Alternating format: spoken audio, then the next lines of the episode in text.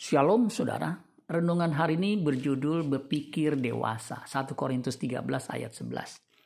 Ketika aku kanak-kanak, aku berkata seperti kanak-kanak. Aku merasa seperti kanak-kanak. Aku berpikir seperti kanak-kanak. Sekarang, sesudah aku menjadi dewasa, aku meninggalkan sifat kanak-kanak itu. Kemudian Filipi 3 ayat 15 versi mudah dibaca. Dikatakan kita semua yang sudah bertumbuh dan dewasa secara secara rohani harus berpikir demikian juga.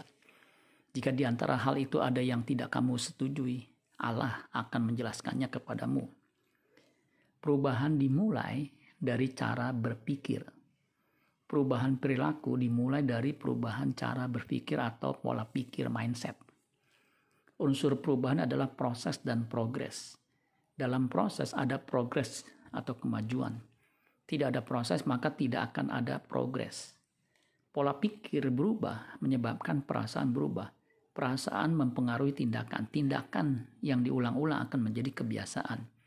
Kebiasaan pada akhirnya menjadi karakter.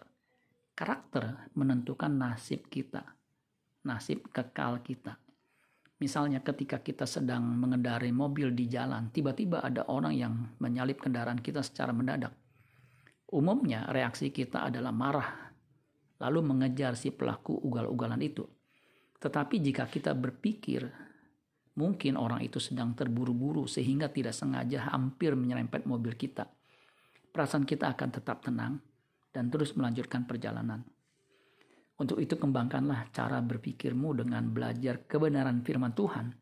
Karena hanya kebenaran firman Tuhan yang akan mengubah kita menjadi serupa dengan karakter Kristus. Amin buat firman Tuhan. Tuhan Yesus memberkati. Sola Gracia.